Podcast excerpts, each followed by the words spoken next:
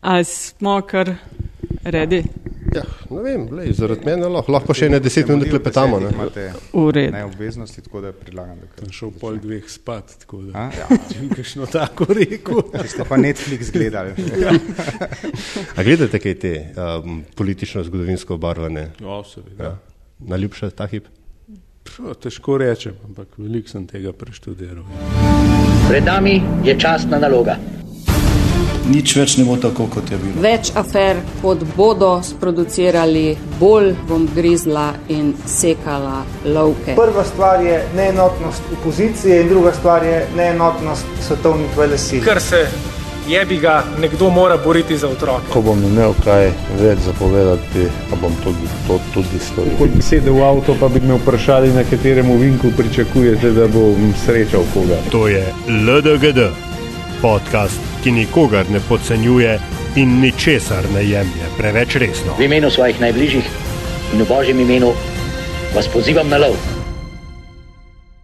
Te razprave ne bom nadaljeval, pa ne zato, ker ne bi bil poguben, ampak zato, ker uh, nisem neumen. Narava tega našega podcasta je, da um, nikogar ne podcenjujemo, ničesar ne jemljemo uh, preveč resno, kako rečemo, uh -huh. uh, predvsem ne politike in politikov.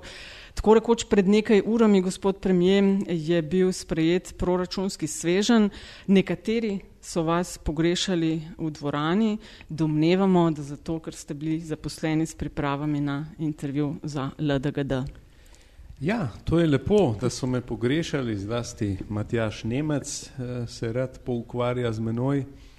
Uh, je pa tako, boljše, da te pogrešajo, kot pa da bi te bile, bili siti. Ne? Se pravi, odločil sem se namenoma, da na to sejo uh, ne bom šel, ampak uh, bom spremljal zadeve uh, oddaleč. Uh, to pa zato, ker včeraj še ni bilo konec se pravi čaka na sveto državnega sveta in ko bo uh, ta seja, ko bomo še enkrat potrjevali ZIPRS, kajti mislim, da bo veto, če ga ne bo, bom toliko bolj vesel e, in takrat bom seveda prisoten, ker sam vedno pravim, da ni konec, dokler ni res vse zaključeno.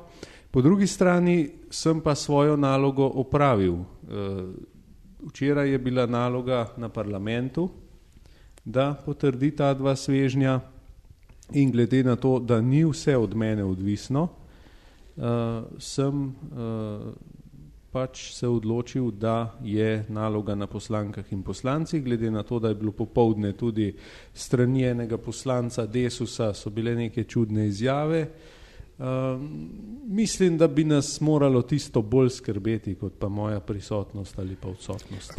Vam... S, čim, vprosti, uh, s čim ste bolj zadovoljni? S tem, da imamo proračun ali da imate še vedno uh, finančnega ministra? No, proračun zagotovo ni namenjen vladi, ampak je namenjen državi. Se pravi, država brez proračuna ne more funkcionirati. Uh, finančni minister zaenkrat še dela, je pa res, da uh, je on prišel z gospodarstva in težko kakšno stvar uh, razume, tako kot kakšno stvar težko razumejo tudi ljudje, ki nas spremljajo. In uh, finančnega ministra imamo še, še zaenkrat, če bo še po vetu uh, tako, potem bo v redu. Podporo vam je, gospod premijer, eh, so vam zagotovili iz poslanske skupine SNS, se pravi, je Linčič, je Linčič, eh, gospod Šarec, zmaga je zmaga ali kako, ali zmago je zmaga?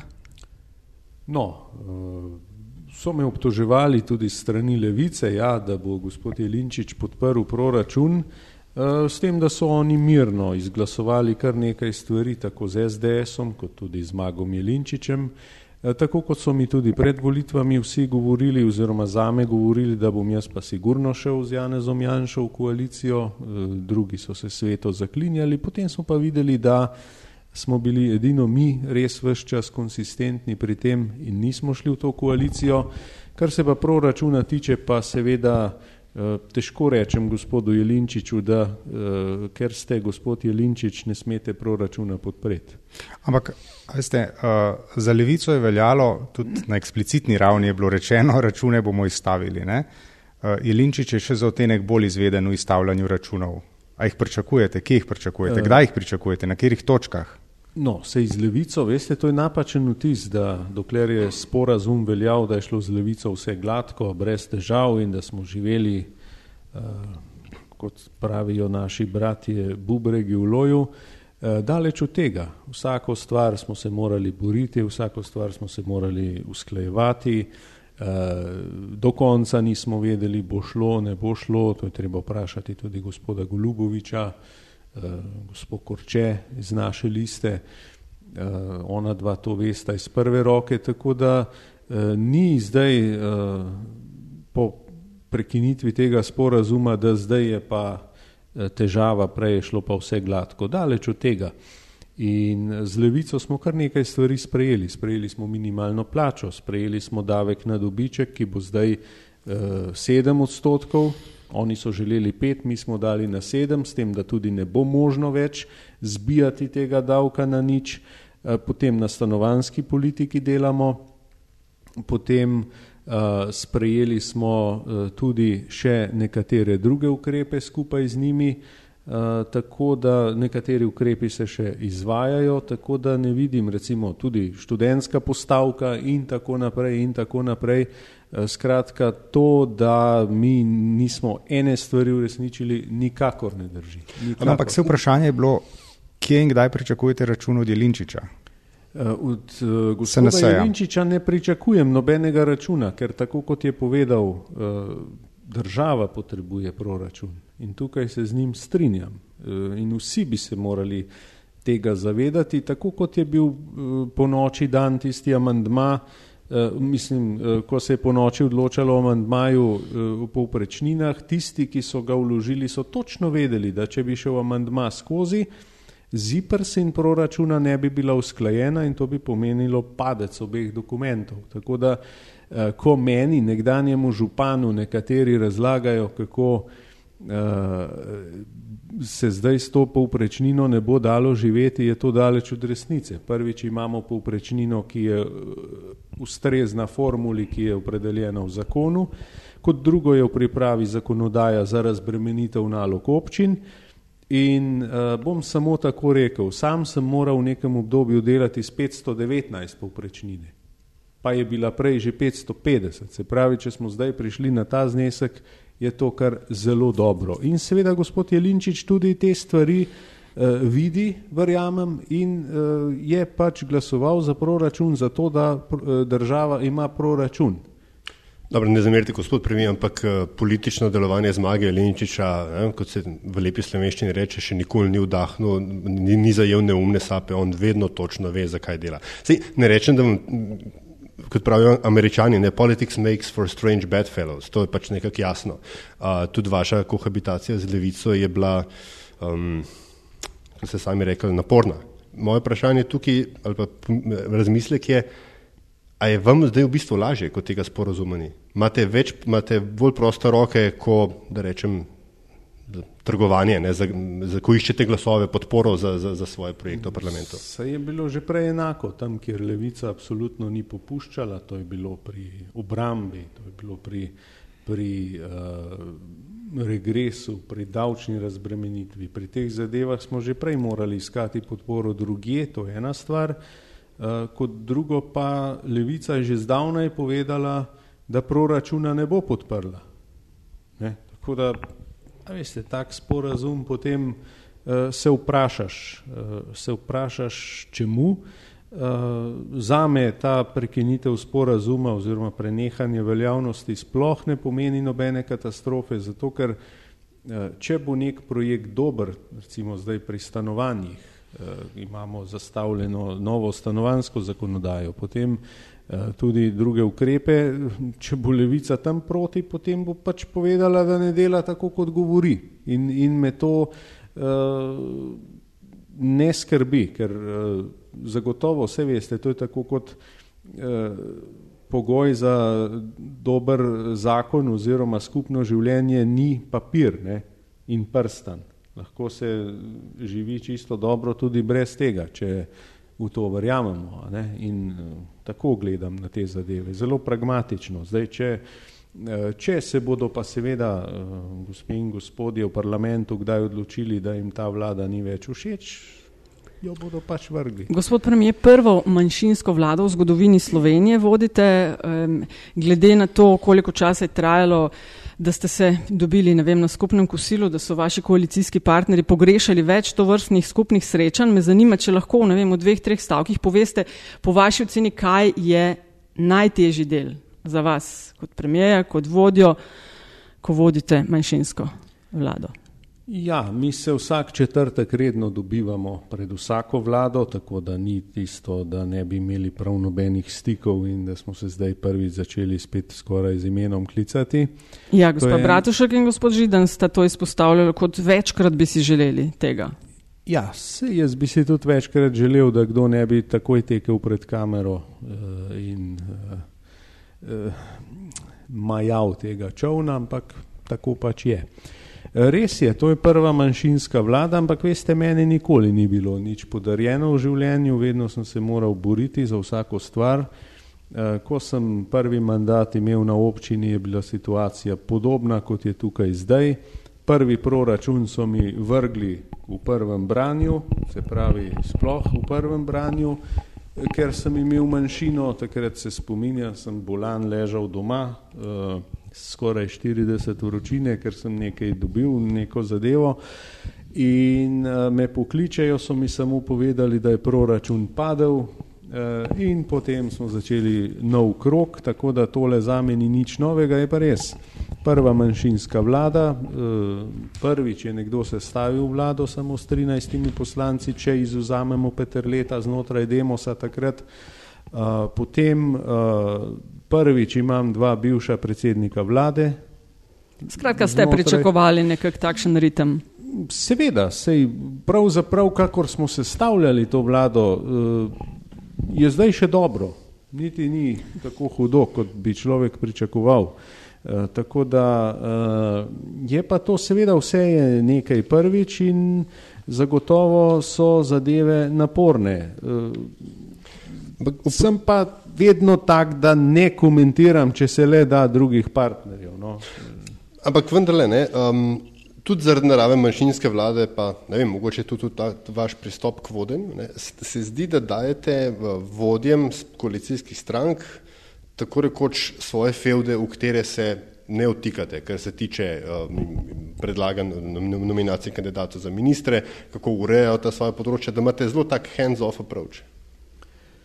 Ja, feude, ne vem, če lahko govorimo o feudih, gre bolj za neko uh, delitev dela oziroma delitev nalog. Ne. Zdaj, glede na to, zavedam se, da imam 13 poslancev, da smo si precej, uh, bom rekel, blizu s, števi, uh, s temi številkami, da smo tako tudi že po naravi enakopravnejši. Uh, in seveda se tudi uh, zato ne napihujem kot žaba in uh, se delam, da bom vsakemu zdaj določal, katerega sekretarja bo postavil. Glede na to, da je vsak minister oziroma vsaka stranka, ki je dala svoje kandidate, ji moram toliko zaupati, da bo ta kandidat delal dobro na tem področju ali pa po najboljših močeh.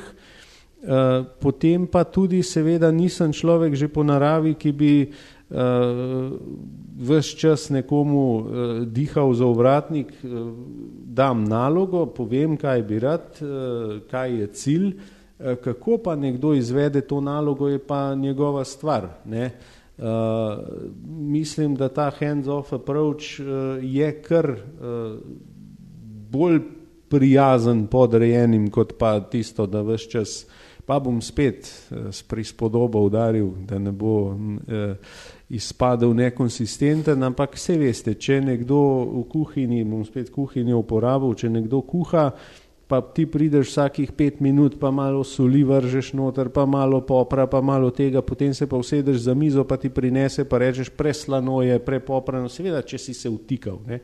Če si nekomu dal nalogo, te zanima končni rezultat. Kako bo pa on to naredil, seveda v okviru zakonodaje, je pa druga stvar. No, ampak da nadaljujem s to metaforo, ne, jed morate pa vi na mizo prinesti. In A, zdaj me pišete jo vi. Ja, ne, a boste vi predlagali, oziroma Boste predlagali ja. Angeliko Mlinar za, za ministrico za kohezijo? Angelika Mlinar ima trenutno problem z državljanstvom. A je to res problem? Za me je. Imam toliko nacionalne zavesti, kljub temu, da boste vi rekli, da je zdaj Evropa in da smo vsi enaki, vendarle imam nacionalno zavest in želim, da so ministri dobro, vsaj dvojni državljani, kot je bil Roko Žarnič, ker to vseeno ni dobro znamenje, če minister ni državljan svoje države. Mislim, da, da neki atributi države pa vendarle obstajajo in če bo uspela v tej nameri, da pridobi, kar je pa bolj odvisno od Avstrije, ne od Slovenije, da pridobi dvojno državljanstvo, uh, ker avstrijskemu se ne bo odrekla, to je že povedala. Potem, Bi se po vašem mogla? Uh, to ni nujno. To ni nujno, čeprav uh, vse veste, jaz sem tudi, ko sem stopil v politiko, sem ljudem dal obljubo, da ne bom več se ukvarjal s prejšnjim delom in sem čez noč odrezal. Se pravi, sem čez noč totalno spremenil uh, svoja nače, ne načela, ampak uh, svoj način življenja, uh, ker sem ljudem obljubil, da bodo imeli uh, politika, ki bo 24 ur na dan delal samo to. Če, če to prenesem sem, ne, če si nek dvojni državljan, uh, mogoče kljub temu, da si slovenec, mogoče pa nisi čisto srcem v svoji državi. Sej veste, smo imeli z gospodom Bajukom takšne dileme, pa še kje. Tako ljudje razmišljajo. Ampak, veste, če dovolite, moti, gospod če predsednik, če dovolite, prav imenovani pokojni predsednik vlade in tudi zdajšnja, recimo, kandidatka za kandidatko za ministrico, ne, se mi zdi, da ne enemu, ne drugi ne moramo učitati pomankanja tega osnovnega srčnega patriotizma. Ona dva sta v enem tujem okolju ohranila, se mi zdi, no, zelo visoko raven uh, domoljubja.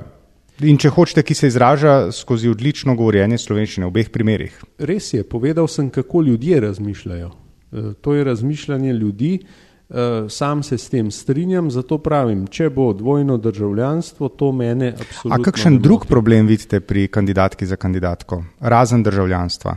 Imate kakšen drug zadržek? Drugih zadržkov trenutno nimam, ker uh, njeno delo poznam kot evropsko, evropski, delo evropske poslanke. Zagotovo uh, je sposobna, zagotovo pozna tudi, kaj se v Bruslju dogaja. Uh, tako da, če se bo to uredilo, verjamem, da se bo, potem nimam zadržkov, tako kot jih nisem imel tudi uh, pri drugih ministrih, ki so jih predlagali, uh, predlagale druge stranke. Ker nimam te pravice. Če stranka presodi, da je nekdo dober, uh, moram tej presoji zaupati. Ker Gospod premijer, prej ste govorili o izvajanju nalog in da ministrom in ministricam eh, zaupate. Kako ste zadovoljni z delom pristojnih na primeru Štajerske varde, ki sadi semena po celi Sloveniji? Ja, Štajerska varda je že nekaj časa problem, vendar sta Ministrstvo za pravosodje in Ministrstvo za notranje zadeve že Včeraj smo že obravnavali na vladi spremembo zakonodaje, ki bo to vrstne zadeve sankcioniralo, uh, sankcioniral uh, ta zakon. Uh, in ko bo to sprejeto, upam, da bo v parlamentu po hitrem postopku, potem bomo mi dejansko lahko te ljudi tudi. Uh, A se je predolg čakalo na urejanje tega? Veste, kako je s tem? Uh, včasih mora kakšna stvar dozoreti. Včasih mora kakšna stvar dozoreti. Uh, vi ste tudi zelo strpni, pa ste uh, v Kočevju uh, izrazili določene, določeno ogorčenje nad eno izmed skupin ljudi. Uh Mhm. -huh. Se pravi, dokler tega ni. Ker ne upravljata svoje delo tisti, ki bi ga morali. Uh, policija. Bom tako rekel, policija kar dobro upravlja svoje delo, problem je potem naprej. Veste, če smo mi edina država v Evropi, če smo tako zavezani Evropi, pa tako želimo biti Evropa, pa smo edina država v Evropi, ki nimamo prepoznave tablic. Potem, ko smo dali v resolucijo o nacionalni varnosti tudi dodatna pooblastila sovi, da bi se lahko ukvarjala z ekstremizmi, da bi lahko tudi spremljala ekstremistično delovanje ali pa uh, sovražno ali kakršno koli temu rečemo, tudi na teritoriju, se pravi ne samo, če je uh, na tujem teritoriju nekdo dela proti Sloveniji, uh, vse to je padlo. Nekaj je vrgla informacijska pooblaščenka, nekaj ustavno sodišče, potem imsi kečeri so bili tudi vprašanje, potem hišna preiskava. Ne? Skratka, pooblastila policije so tukaj še vedno omejena, pri drugih državah ni tako. In če ima policija uh, tako omejena pooblastila, uh, kot sem rekel, po, prepoznava tablic je nekaj normalnega povsod. Ampak, gledajte, gospod predsednik, pravite, prej ste rekli, uh, nekaterim stvarem je treba pustiti, da dozorijo. Se mi zdi, da varda oziroma sama ideja to vrst na nosu vse preveč enih potencijalnih nevarnosti, da bi jih uh, puščale, eh, da bi jih puščali, ja. da dozorevajo. Se mi zdi, da je to pojav, ki, s katerim se je treba resno spopasti. Ampak... In glede na to, da se je Štajerska, se upravičujem samo še to, uh, razširila na Krajinsko, kot pravijo, in potrjeno na Primorsko, se mi zdi, da ste jo, smo jo pustili predolgo, da zori. Zato sem vam povedal vse tiste primere. Mi se bomo morali odločiti, kaj želimo. Varnost brez takih ekstremizmov in takšnih dejanj, kot jih imamo, ali včasih pretirano sklicevanje na človekove pravice. A veste, uh, kot sem povedal, vse tiste zadeve so padle in tudi tukaj so pooblastila benigna, se pravi, oni točno vedo, varda, dokam lahko gredo, da se jih ne da sankcionirati. Ampak, prosite, gospod premijer, um, pravijo, ne, da kdo je pripravljen um, zabrantati mečke svobode za mečke več varnosti, si ne zasluži nobene od obeh in bo zgubil oboje. Uh, vi ste liberalna stranka. Um, kako je zdaj to, mislim, jaz vidim neko stvari v opreki. Ne? Uh, načeloma bi morali biti ne, v neki politološki teoriji uh, človekove pravice in uh, vladavina prava tisto, kar je se pravi, osnova vaše, vaše politične ideologije. Zdaj pa ravno, ravno kar, če vas prav razumem, ne, pravite, da moramo prilagajati uh, pravila za to, da bomo se, ne vem, spopadli s temi nekimi, nekimi ekstremizmi, um, ampak, uh, ne vem, je, a, a vidite vi tukaj meč, me, mečkano preke? Čigave pravice, žrtve ali storilca, se vprašam. Veste, to je pri nas včasih skregano z logiko, ne. Uh, nekdo nekoga ubije ali mu eh, se zgodi posilstvo ali karkoli drugega, pa uh, so, saj veste, kakšni postopki potem naprej in pojdite malo med ljudmi, vam bodo povedali, da se itak nikomu nič ne zgodi. Uh, kar se tiče, uh, kar se tiče uh, človekovih pravic, Zagotovo, ampak po eni strani pravite, varda ni dobra. Seveda ni. Ampak ti ljudje tudi lahko rečejo, da njihova človekova pravica, da se oblečejo v tiste svoje uh, obleke in da hodijo s plastičnim orožjem okoli. Oro, orožje razumem, ampak prostite, obleke je pa tako. Danes imamo maskirane hlače, jutri bo, ne vem. Sej to vam a, govorim. A, a, a, veste, a, ne, a veste, kaj bo varna naredila? Boste prepovedali maskirne, maskirne hlače, se bo obleklo črno, boste prepovedali črno, bo šli v rjavo. Se eh, ne gre za same hlače, gre za to, da eh, se nekoga, ki se takole zbira, ki se izkazuje za nekaj, kar ni, ki govori, da varuje mejo, za kar sploh ni potrebe, ker policija dobro varuje mejo, eh, da se ga oglobi. Ampak, ravno kar, če policija dobro upravlja svoje delo, zakaj potem rabimo nova pooblastila?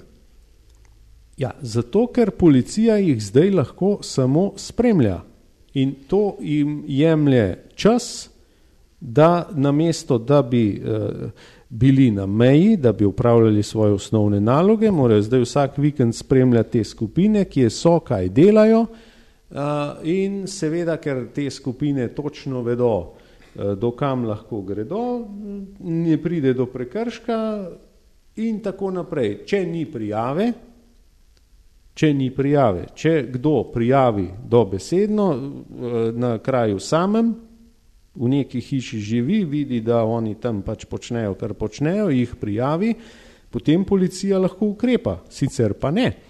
In, in zato so potrebna ta dodatna eh, ne pooblastila, ampak zakonodaja v bistvu, ki bo to vrstne zadeve sankcionirala. Se pravi, kdor se zbira tam na, na javnem kraju, straši ljudi, je deležen globe. To potrebujemo pri nas. In, in uh, tukaj ne gre za nobene človekove pravice, uh, kar se pa tiče nasplošno človekovih pravic. Uh, kar se tiče nasplošno človekovih pravic, je pa tako. Mi smo imeli jasen primer, zdaj recimo mi, uh, nezakonite migracije so posledica tihotapljenja, to se vsi zavedamo. Mimo grede, ne tisti, ki govorijo, kako je Hrvaška uh, sposobna za Schengen. Eh, če bi Hrvaška bila sposobna za Schengen, mi, mi danes dobili toliko migrantov čez mejo, kot jih dobi Avstrija od nas, se pravi skoraj nič. Mi smo jih pa letos obravnavali že 14 tisoč, že čez in jih večino uh, vrnili nazaj. Uh, če bi uh, bili neka država, ki želimo varovati tudi svoje državljane in tako, uh, bi v primeru, ko je policija ujela Pakistanca, ki je sprovajal ljudi, po domače švercev, bi ga sodišče pač izgnalo za pet let, kar lahko naredi, pa ga ni. Ne? Pri nas včasih uh, ne vemo, kdo je žrtev in kdo je storilec. Samo na to upozarjam. Zdaj razmišljam čisto po svoje, kot človek. Kot človek. A veste, uh, razna dejanja, eh, ki so bila storjena, včasih gospodarski kriminal, včasih drugačen kriminal, eh, pa se potem tisti, ki je pač plačeval odvetnike, da so iskali lukne v zakonu, dobro, nekaj jih je za rešetkami, kdo pa tudi ni. In to potem ljudje zelo, zelo težko razumejo. Ne? Um, gospod predsednik, v zadnjem času je bilo nekaj verbalnega, recimo temu obstreljevanja med uh, vlado in Banko Slovenije oziroma med vami in guvernerjem v zvezi z uh, predlogom oziroma nalogo bankam naj zaostrijo pogoje za zadolževanje. Uh, vlada se je odzvala oziroma vi osebno približno po treh tednih, a ste vi, uh, se mi zdi, podcenili težo tega navodila Banke Slovenije? Ne, eh, nikakor nismo tega podcenili, ampak smo vseeno še upali, da mogoče pa do tega vendarle ne bo prišlo, da se bo že kdo, da bo kdo prej začel razmišljati o teh zadevah. Eh, kar se pa tiče mm, Banke Slovenije na splošno, kot veste, naša stranka gospoda Vasleta ni podprla.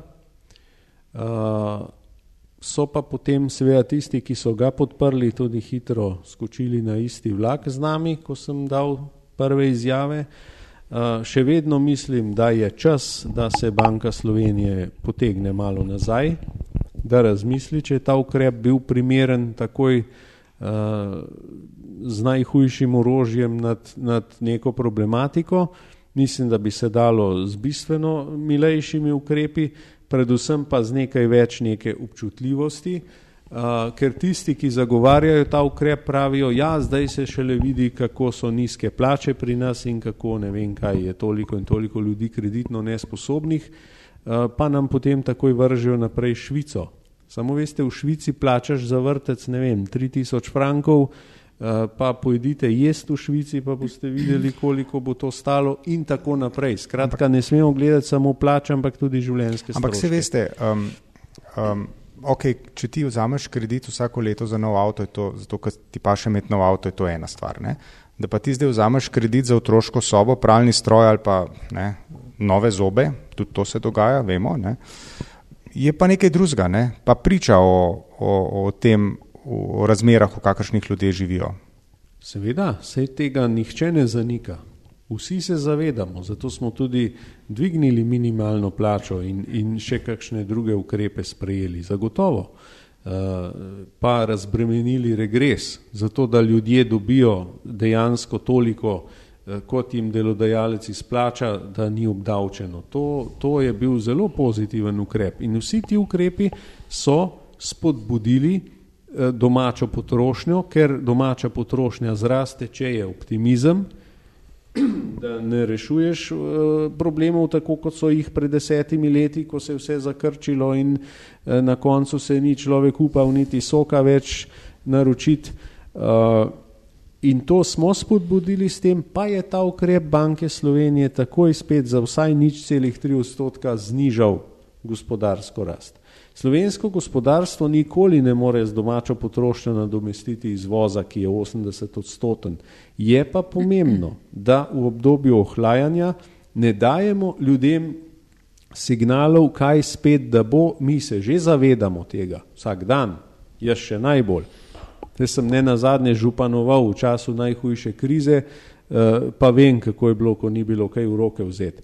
Ampak eh, strašiti ljudi s takimi ukrepi pa tudi ni primerno. In recimo tudi se ne strinjam z nemškim finančnim ministrom, ki je že ne vem kdaj začel govoriti o ohlajanju. Veste, če, če, če si bo človek vsak dan govoril, zbolel bom, zbolel bom, zbolel bom in na koncu bom umrl, eh, bo človek tudi to priklical na sebe. Samo uresničujoča Sa, se prerogba. Točno to, točno to. In na to opozarjam. Tako da zagotovo ni dobro, da se ljudje prekreditirajo in tako naprej. Ampak s tem ukrepom tega ne, bodo, ne bomo rešili, ker uh, tisti, ki bo nujno potreboval denar, bo šel na črni trg ali pa v tujino. In, in uh, banke bodo imele s tem tudi določeni spad in samo upati je, upati je, da tega ne bodo reševali s kakšno uvedbo ležarine. Ker če bodo ljudje uh, uh, začeli jemati depozite ven iz bank, potem ne bo dobro. Mislim, da imamo mi 20 eh, milijard depozitov, eh, banke so jih pa sposobne, če bi v tem hipu takoj morali izplačati, izplačati 5 milijard. Tak podatek imam. Ne vem, če je točen, ampak pravijo, da je. Eh, in če se to zgodi, potem smo vrnili v neke čudne čase. Spomnimo, v leto 29. 29 ali pa konec 80-ih let v jugoslovanskem monetarnem sistemu, ko so bili vdori v monetarni sistem, ko je Topčider delal v treh izmenah in tako naprej. Skratka, eh, smo seveda člani eurozone, ampak vseeno, eh, na to je vse treba misliti. Zato takšni neki rokohitrski ukrepi niso dobri. Eh, ne rad napadam ad personam, da, da me ne boste narobe razumeli, ampak gospod Vasle bi moral vendarle uh, na tem mestu, kjer je, biti mogoče malce manj prepričan neoliberalec. Vprašanje, eh, gospod premijer, na temo Adrije Airways. Eh, bankrotirala, veliko se je o tem govorilo v javnosti v zadnjem času, recimo, da je nekje polovica ljudi, da potrebujemo lastnega prevoznika, druga polovica eh, in prve številke kažejo, da mogoče temu ni tako. Ne? Kakšno je zdaj stališče vlade? A mi to potrebujemo ali je to ustanavljanje, o katerem se govori, eno od tistih, kar obsojate, rokohitrskih potez, pa ne dobro premišljenih. Mi še nismo dali z nobenega stališča, niti še nič ustanovili. Uh, šlo je samo za preverjanje. Ampak se veste, če jaz doma se odločim, da bom nekaj preveril, pač nekam pokličem, pa preverim. Tako velik sistem pa deluje nekoliko drugače in so se takoj začelo špekulirati, kaj država ustanavlja. Veste, tukaj mora malo špikniti tudi novinarje, da.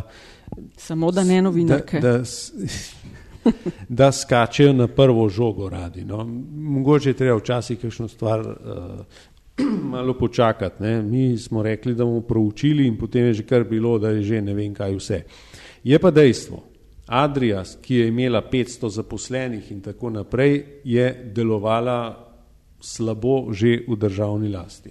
To je dejstvo. Adria bi preživela tudi v državni lasti, Če bi zmanjšala število zaposlenih, ne, ne vem, 300 recimo, če bi uh, bila bolj ekonomična pri nekaterih zadevah, uh, ne vem, ne nazadnje, če bi tankala v tujini striktno, ker petrol ima kar drag kerozin uh, in tako naprej.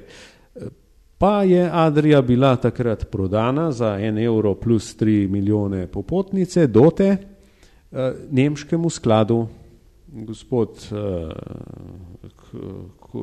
Holger Kovarč, s katerim sem se imel tudi to neizjemno čast uh, srečati, je seveda Adrijo izčrpaval. Vse, če bi ta sklad imel resen namen nekaj narediti, uh, potem bi tudi še kaj šlo. To me spominja na zgodbo uh, Ete iz Kamnika, kjer je bila podobna situacija, kjer je takrat gospod Marjanovič skoraj uničil firmo, pa je bila banka tako pametna, da je ni uničila in da danes deluje.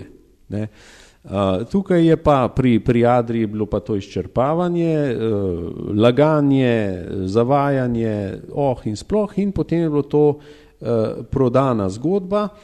Uh, In zato se je seveda vlada dolžna, je dolžna proučiti, seveda v nobenem primeru brez tujega partnerja, zagotovo ne, Je pa pri letalstvu problem, ker je to izredno regulirana dejavnost. To je izredno, to ni avtobusni prevoz, to ni vlak in so zakonitosti zelo drugačne.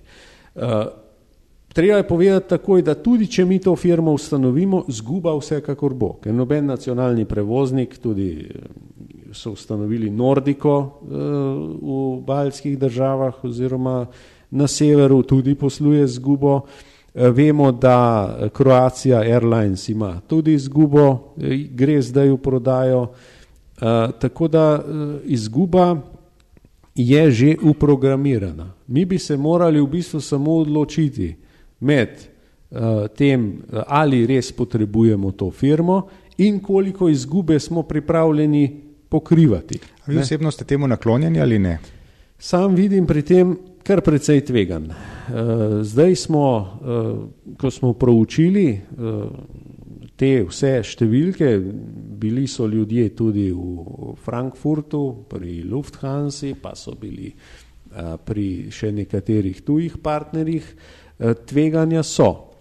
Vse te številke, ki jih imamo, programirana izguba oziroma v zipko položena izguba, če tako rečem, eh, je nekje ocenjena zdaj na, na nekih 10 eh, milijonov letno, recimo. Ne? Eh, in potem se je treba pač vprašati, ali je to tisto, kar smo pripravljeni imeti za to, da bomo imeli nacionalnega prevoznika, ali ne, če seveda taka številka drži. Ne? Tako da tukaj nobeden od nas ne more vedeti in ne more biti dovolj pameten. Aj po vaši oceni, ker smo bili pri letalih Slovenija, vendarle zdaj ponovem dovolj povezana s svetom? Je to nekaj, kar, lahko, kar je še vedno uporabno, to, kar je bilo v času Adrija? Ja, te slote so zdaj te družbe kar uh, prevzele, ja, uh, se leti, uh, odvisno seveda, ka, ob kakšnih urah se leti, ne, to je pomembno. Uh, je pa res, da v bistvu potnika ne skrbi oziroma ne zanima, s kom leti. Važno je, da je družba zanesljiva in da eh, odleti takrat, ko je planirano in prileti tudi takrat, ko je planirano. Zaenkrat so se te linije pokrile. Uh, če bo uh, če bodo ti prevozniki imeli dolgoročno tudi uh, namen leteti v Ljubljano, potem eh, znamo biti brez težav. Ne, zlasti je to pomembno zdaj, ko se bliža predsedovanje. Uh, je pa res, da tisti, ki vam bo danes iz rokava stresal neke rešitve, kot so tudi do mene hoteli priti nekateri uh, mojstri 90-ih let, pa še, še katerih, ne, ki so tudi vodili, pa bili v nadzornih svetih, pa, pa tako naprej, uh, Eh, kdor vam bo stresal neke rešitve z rokava, češ kako je to vse easy, če se smem tako izraziti s tujkjo, eh, ta ne ve čisto dobro, ker dejansko tukaj nobeden ne more vedeti, eh, od, od tega, kakšna bo cena kerozina, kakšna bo zasedenost letal, kakšna bo gospodarska situacija, koliko se bo letelo. Uh, in tako naprej, in tako naprej. Ne vem, če veste, mi imamo hišnega analitika na podkastu. Manjka danes. Uh, ja, četrti član naše ekipe, tako. Andraš Zorko. A se je ustrašil, ker je narobe napovedal izid na evropskih volitvah. To je bilo nekaj, kar bomo morali posebej. Ja, ja, ne vem, govoril je, da z Jovevo nimamo šans. No, ni se ustrašil, um, ima respekt do novinarskega poklica, zato je rekel, da vse je mogoče primerno, da ga ni tukaj. Je pa pripravil ja. kopico ja. zanimivih številk, namreč eh, tedni je išlo ogledalo Slovenije. Eh, in eh, je med drugim ena zelo zanimiva številka in vprašanje za vas. Eh, na volitve ste šli kot stranka, ki naj bi presegala te stare delitve na levo in desno, kot znanilci nečesa novega in preseganje tega, kar je za sabo potegnilo tudi nezaupanje v politiko. Ne. Leto in pol kasneje ta raziskava ogledalo Slovenije kaže, da je nezaupanje vse veje oblasti takšno, kot je bilo. Ob tem pa se zopet povečuje eh, delež državljanov, ki so nasplošno nezadovoljni s splošnim stanjem v slovenski družbi. Razumete vi to kot vaš neuspeh? Daleč od tega. Kot prvo je treba povedati, da e, naša stranka ni dobila 36 poslancev, tako kot jih je nekatera, neka druga stranka prvič v zgodovini pa ni šlo pravo pot. Uh, mi smo dobili 13 poslancev. Od 13 do 46 je kar nekaj številk, ne? če, se go, če se govori o številkah. Uh, tako da, če bi mi dobili 36 poslancev, seveda bi delali tudi mi uh, kakšno stvar drugače in bi se manj prilagajali drugim. V politiki moraš imeti pa kompromise.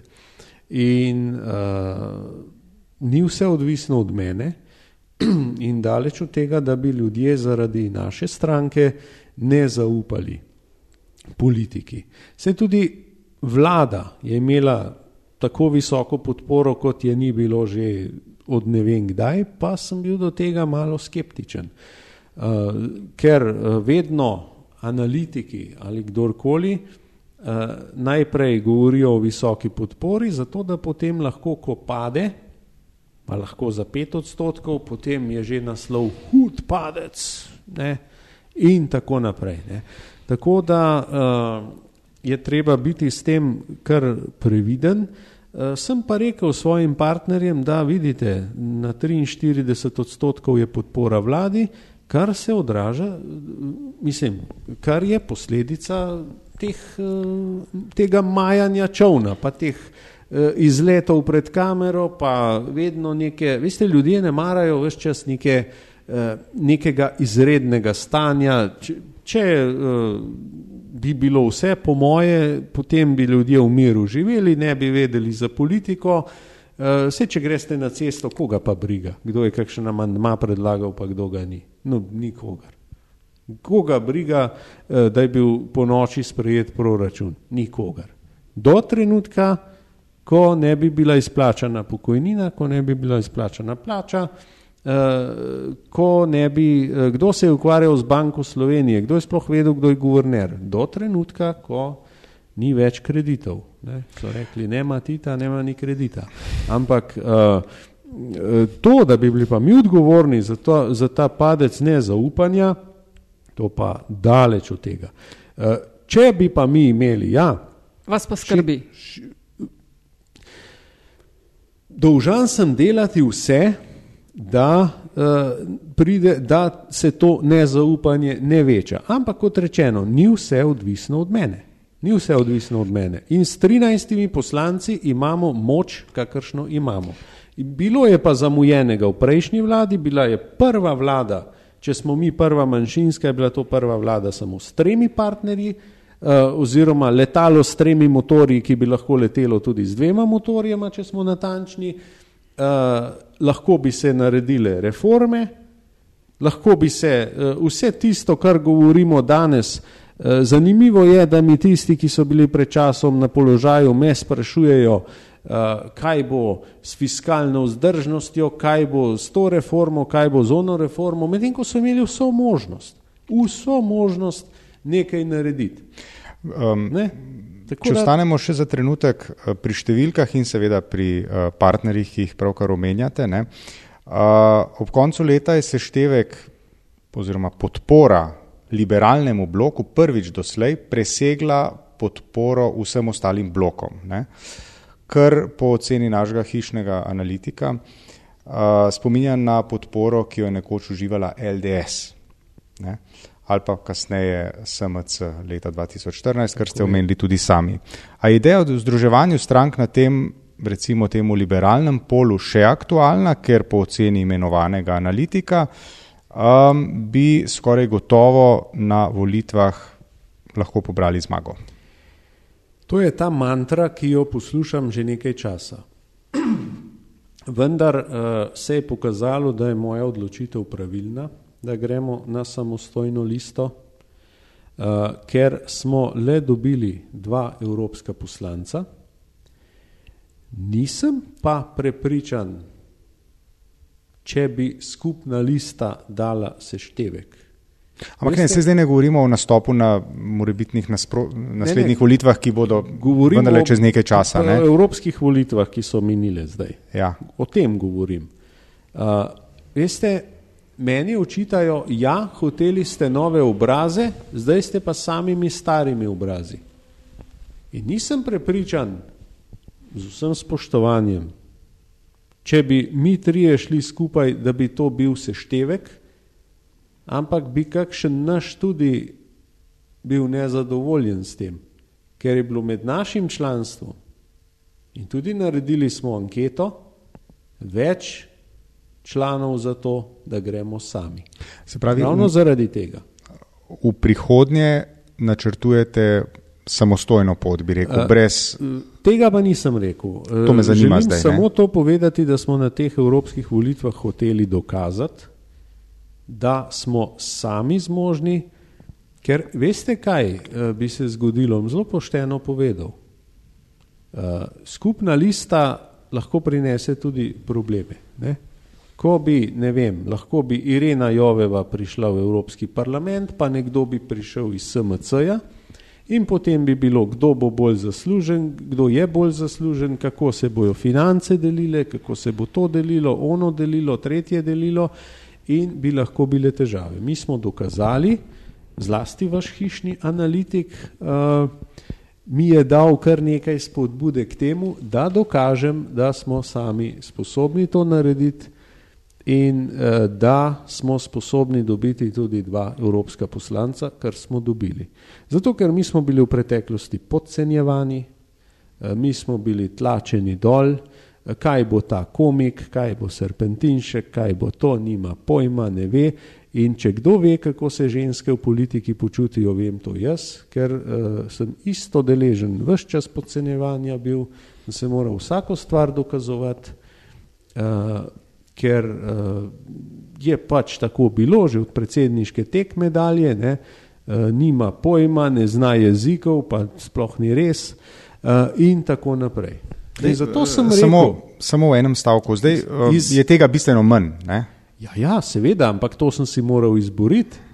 In evropske volitve so bile ta poligon. Ali smo mi to sposobni narediti in smo pokazali vsem, da smo sposobni. Ker tega podcenjevanja smo imeli tako sam, kot tudi moja ekipa počasi dovolj in smo rekli, gremo sami in bomo tudi sami zaslužni za uspeh ali neuspeh in nikomor nič dolžni. Ne, da bi potem, veste, sej skupna lista SDS in SLS lepa zadeva, ampak SDS jih nima tri, ima dva plus enega od SLS. Ampak imate, ne, spet, kar je Ante še vprašal, imate vi dolgoročno, zdaj ste pač v slovenski politični sceni in opcij kariernih je vedno manj, ne, ker, greste, ker ste pač dosti visoko na lestvici, imate ambicijo voditi. Lahko tudi krompir saditi. V redu, ne, ampak imate kot alternativo vsaj jenju krompirja ambicijo voditi eh, liberalni blok? Ja, veste, ko smo začeli sestavljati vlado, ni bilo samo umevno, da bi jaz vodil to vlado. Tudi to si je bilo treba priboriti. Ne? So bile tudi drugačne ambicije. Uh, potem uh, tudi zdaj uh, niso stvari vedno samoumevne. Seveda je moja želja, da te glasove združimo, da te glasove združimo, da uh, gremo uh, močnejši, ker če bomo liberalni blok držali skupaj, uh, stranke liberalnega bloka držali skupaj, bomo zagotovo močnejši. Ampak kot sem rekel, nekateri so nas obsojali, ja, so listi, ne vem kaj, ampak kot sem rekel, toliko je bilo podcenjevanja, da smo se pač morali dokazati. Kaj naj rečem? Zdaj smo vse dokazali in smo pripravljeni seveda na sodelovanje s tem, da je bilo treba počakati tudi ena eh, stranka je zamenjala vodstvo. Uh, bi bilo pa lepo seveda, ja, če bi se, uh, če bi se lahko tudi uh, povezali na nek način, eh, mogoče sprva z neko pogodbo, nekim sporazumom, saj ni treba, da smo tako ena stranka in tako naprej, ampak samo da vidimo, da igramo na isti gol. Ker smo že omenili, uh, vse omenili evropske volitve in tako dalje, seveda moramo vprašati, kdo so naši prijatelji v Evropski uniji? Kakor kdaj pri kak, kakor kateri temi. Zdaj, če gledamo kohezijo, imamo veliko prijateljev, smo tudi prijatelji kohezije v tem združenju. Eh, če gledamo mm, odnose s Hrvaško, so spet druge eh, dimenzije. Če gledamo eh, temo širitve na Balkan, imamo spet uh, drugo konstelacijo in tako naprej. Ampak to so interese, ne? ker prijatelji se vedno stojijo ob strani. Ja, kdo, so, kdo, kdo so tisti, ki ja, jih vi pokličete si... za to, da recimo oblikujete neko, neko stališče do nekega evropskega vprašanja? Ja, v politiki že tako ni nekih prijateljev, vse veste, kako je v politiki. V politiki so vedno interesi. Uh, in uh, kadar gre za, za interese, takrat uh, seveda vsak razmišlja tako, da je najboljše za njegovo državo. Uh, tudi z Mačarsko smo si v nekaterih zadevah uh, skupaj, smo si blizu, recimo kohezijska vprašanja, skupna kmetijska politika uh, in, in tako naprej, pri drugih smo si bolj vsak sebi. Uh, Tako da ni uh, Mačarsko omenjam zato, ker uh, je pri nas pač uh, neka fama takšna in drugačna, ampak kakorkoli. Uh, tako da Slovenija, kot seveda že po naravi z dvema milijonoma ljudmi, seveda ni Francija. In glede na to, da je, če uh, si večji, imaš tudi toliko večjo odgovornost, Eh, je Slovenija seveda tista, ki bo vedno zagovarjala proevropskost, eh, potem tudi, da Evropa drži skupaj, da ne rešuje vsak svojih problemov posebej. Eh, predvsem je pa Slovenija zadnje čase aktivna pri podpiranju Zahodnega Balkana oziroma jugovzhodne Evrope kot bi te države rajši slišale, se pravi Albanija, Srbija, Severna Makedonija. Uh, tukaj se nam zdi zelo pomembno, ker stabilen Balkan je za nas uh, prioriteta. Um, opazna sta uh, dve stvari, ki jih niste storili. Ne? Ena je nastop v Evropskem parlamentu, drugi je obisk na Hrvaškem. Kdaj načrtujete oziroma lahko pričakujemo eno ali drugo ali oboje? Ja, s Hrvaško je tako, da bi se rad pogovarjal o implementaciji arbitražne razsodbe. To, to bi se mi radi pogovarjali, ker sodišče je svoje povedalo, sodišče je povedalo, da proces ni kontaminiran eh, do te mere, da bi ne veljal in o tem bi se radi pogovarjali s Hrvaško. Zdaj, meni je zelo žal, da gospod Juncker eh, se ni postavil na stran vladavine prava, temveč je pač eh, ubral neko svojo pot. Zdaj je na Evropskem sodišču zadeva, čakamo to razsodbo in seveda uh, sem nekoliko uh, samo svoj politik oziroma pa tudi ne, pač delam v interesu Slovenije, želim tisto delati, kar je dobro za Slovenijo. In uh, bilo bi slabo znamenje, da bi se zdaj, da bi se zgodil nek uradni obisk, pa bi se spet malo trepljali po ramenih, pa objeli, uh, šli vsak na, na svoje, uh, ne spoštuje se pa vladavina prava. Ne? To je precejšna težava. Mi dva z gospodom Plenkovičem se srečava na vsakem evropskem svetu. Moram reči, da osebno se zelo dobro razumeva, ga tudi cenim, tako da ni tisto, da mi dva, ko prideva, se grdo gledava. Eh, sem pa jasno povedal, da o tem, o razsodbi oziroma implementaciji arbitražne razsodbe se lahko pogovarjamo, ne moramo se pa vračati na bilateralne pogovore, ker nimam garancije, ne mandata, da sprejmem nekaj, za kar nisem prepričan, da sabor ne bo še tretjič rekel, da je samo modro nebo nad saborom in potem ne bomo imeli nič. Gre za neko konsistentno politiko, dali smo tudi sedem milijonov za to sodišče eh, in če se dva soseda ne moreta zmeniti, na čigavam je hruška, sta šla na sodišče, potem sodišče pač reklo, da je na Francelnovem eh, ta hruška, ne bosta potem Francel in Jože spet šla nekaj se v gostilno sama ment, ki se bosta spet skregala.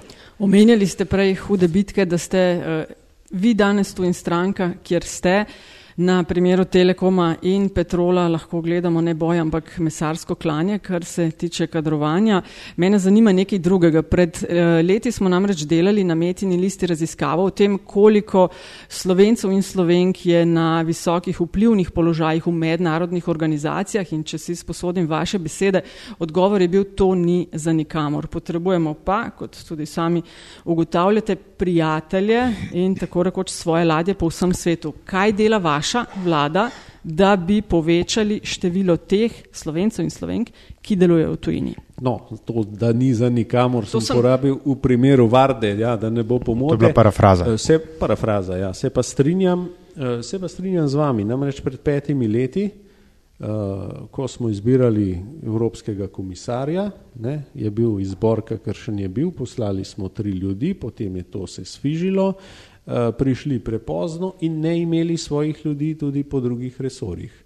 Zato sem si rekel, to je pa tukaj pa sem solist, eh, če se lahko posujem s pepelom, ampak sem vedel, da je to dobro za interes Slovenije, da moramo gospoda Lenarčiča spraviti čez po hitrem postopku, gladkem postopku, eh, da se ne bo ponovila situacija izpred petih let, zato da bo naš kandidat, kar se je tudi zdaj pokazalo, šel čez brez problemov. Slovenija ni nikjer omenjena, padali so francozi, padali so mađari, padali so tudi romuni, pa še kdo. Eh, naš kandidat je šel čez gladko. Se z drugi nivoji me zanimajo, ne sam ta. Pridem do tja in ker je pravočasno tam, pa že itak je v Bruslju, on lahko dela na tem, da bo križanje resorjev, se pravi, da imamo mi svoje ljudi po drugih resorjih in drugi resorji pri nas, da bo to uspešno izvedeno. Eh, po zadnjih podatkih naj bi bilo tudi možno, da bo v, v, v kabinetu eh, Šarla Mišela tudi slovensko ime. Tako da se strinjam z vami, potrebno je ukrepiti to lobiranje, potrebno je eh, postaviti tudi naše ljudi povsod, zato je pa potrebno biti pravočasen. Še vedno ste nam dolžni odgovor, kdaj boste nagovorili Evropski parlament? Ko bom dobil povabilo. Ko bom dobil povabilo, ga bom nagovoril. Uh, res pa je, da se mi, da sva se z gospodom Lenarčičem pa še s kom takrat pogovarjala in je povedal pač tudi on svoje mnenje, uh, ki je bilo zelo podobno mojemu, Eh, in eh, prvič pred prazno dvorano eh, nekako ob iztekajočem mandatu, ob predsedniku, ki ima neke ideje, ki ne sodijo v današnji čas, sem se pač odločil, da, da pač tja ne bom šel sem pa pripravljen, ko bo, ko bo uh, zdaj, če bo novo vabilo, sem pripravljen spregovoriti. Mislim pa, da to ni Sloveniji nič oduzelo, niti ne bi nič prineslo, če bi tam govoril. A veste, to uh, so mi učitali naši desni prijatelji, vendar uh, naši desni prijatelji bi več naredili s tem, da bi podpirali enotno slovensko zunanjo politiko, ne tega, kar jaz imenujem zelo grobo, vendar peta kolona. Gospod predsednik, za konec. Ne. Že prej smo ugotavljali, da v tem letu ste se uspešno otresli pečata prejšnje službe, žalitev na temo serpentinška, komičnih ulog in tako naprej. Ne še čisto, ampak ja. Ni več, oziroma jih je uh, precej manj. Uh, ampak kot smo rekli na začetku, mi smo podcast, ki ničesar ne jemlje preveč resno, še posebej ne politike in politikov, zato ne nas zdaj razočarati. En dober vic ali pa štos. Uh. To ste me pa zdaj lepa našli. No, bom pa, bom pa na hitro se spomnil. Pride eden k vedeževalki, potrka, tok, tok, pravi vedeževalka, kdo je, pa pravi, ah, kar grem, to moraš ti vedeti. Enega kratkega, samo še tole eh, za konc. Eh, čez nekaj dni praznujete 42. rojstni dan, ja. 2. decembra, ja. in za 42 vemo, da je od štoparskega vodnika dalje odgovor na vse. Imate zdaj danes več odgovorov kot vprašanj ali več vprašanj kot odgovorov? Oh, vprašanj je vedno več kot odgovorov, zato ker uh, je takšna narava življenja, da če bi imeli vse odgovore, potem ne bi bili ljudje. Ne, se moramo vprašati no, za konca. Poznate kakšnega dobrega egiptologa? to pa mislite na tisti tweet? Sem, zdaj z, z, z mojo gospod sva iskala tam po Luksemburgu dobenega egiptologa, sem rekel, moram človeka vprašati, kaj je predlagal. Ne? Ja, slučajno sem videl in uh, sem dobil to idejo, tudi sam imam dveh črki uh, in ker je bilo napisano uh, v takih črkah, sem, sem potem se nekako odzval. Uh, egiptologov ne poznam, ker uh, zgodu, moj hobi je sicer zgodovina, ampak ne stari Egipt, bolj 20. stoletje, uh, tako da to bolj proučujem. Uh, če pa koga najdem, vam pa povem. Bom sporočil petletniku. Hvala. Gospod premijer, najlepša hvala za gostovanje v podkastu LDGD. Hvala za povabilo.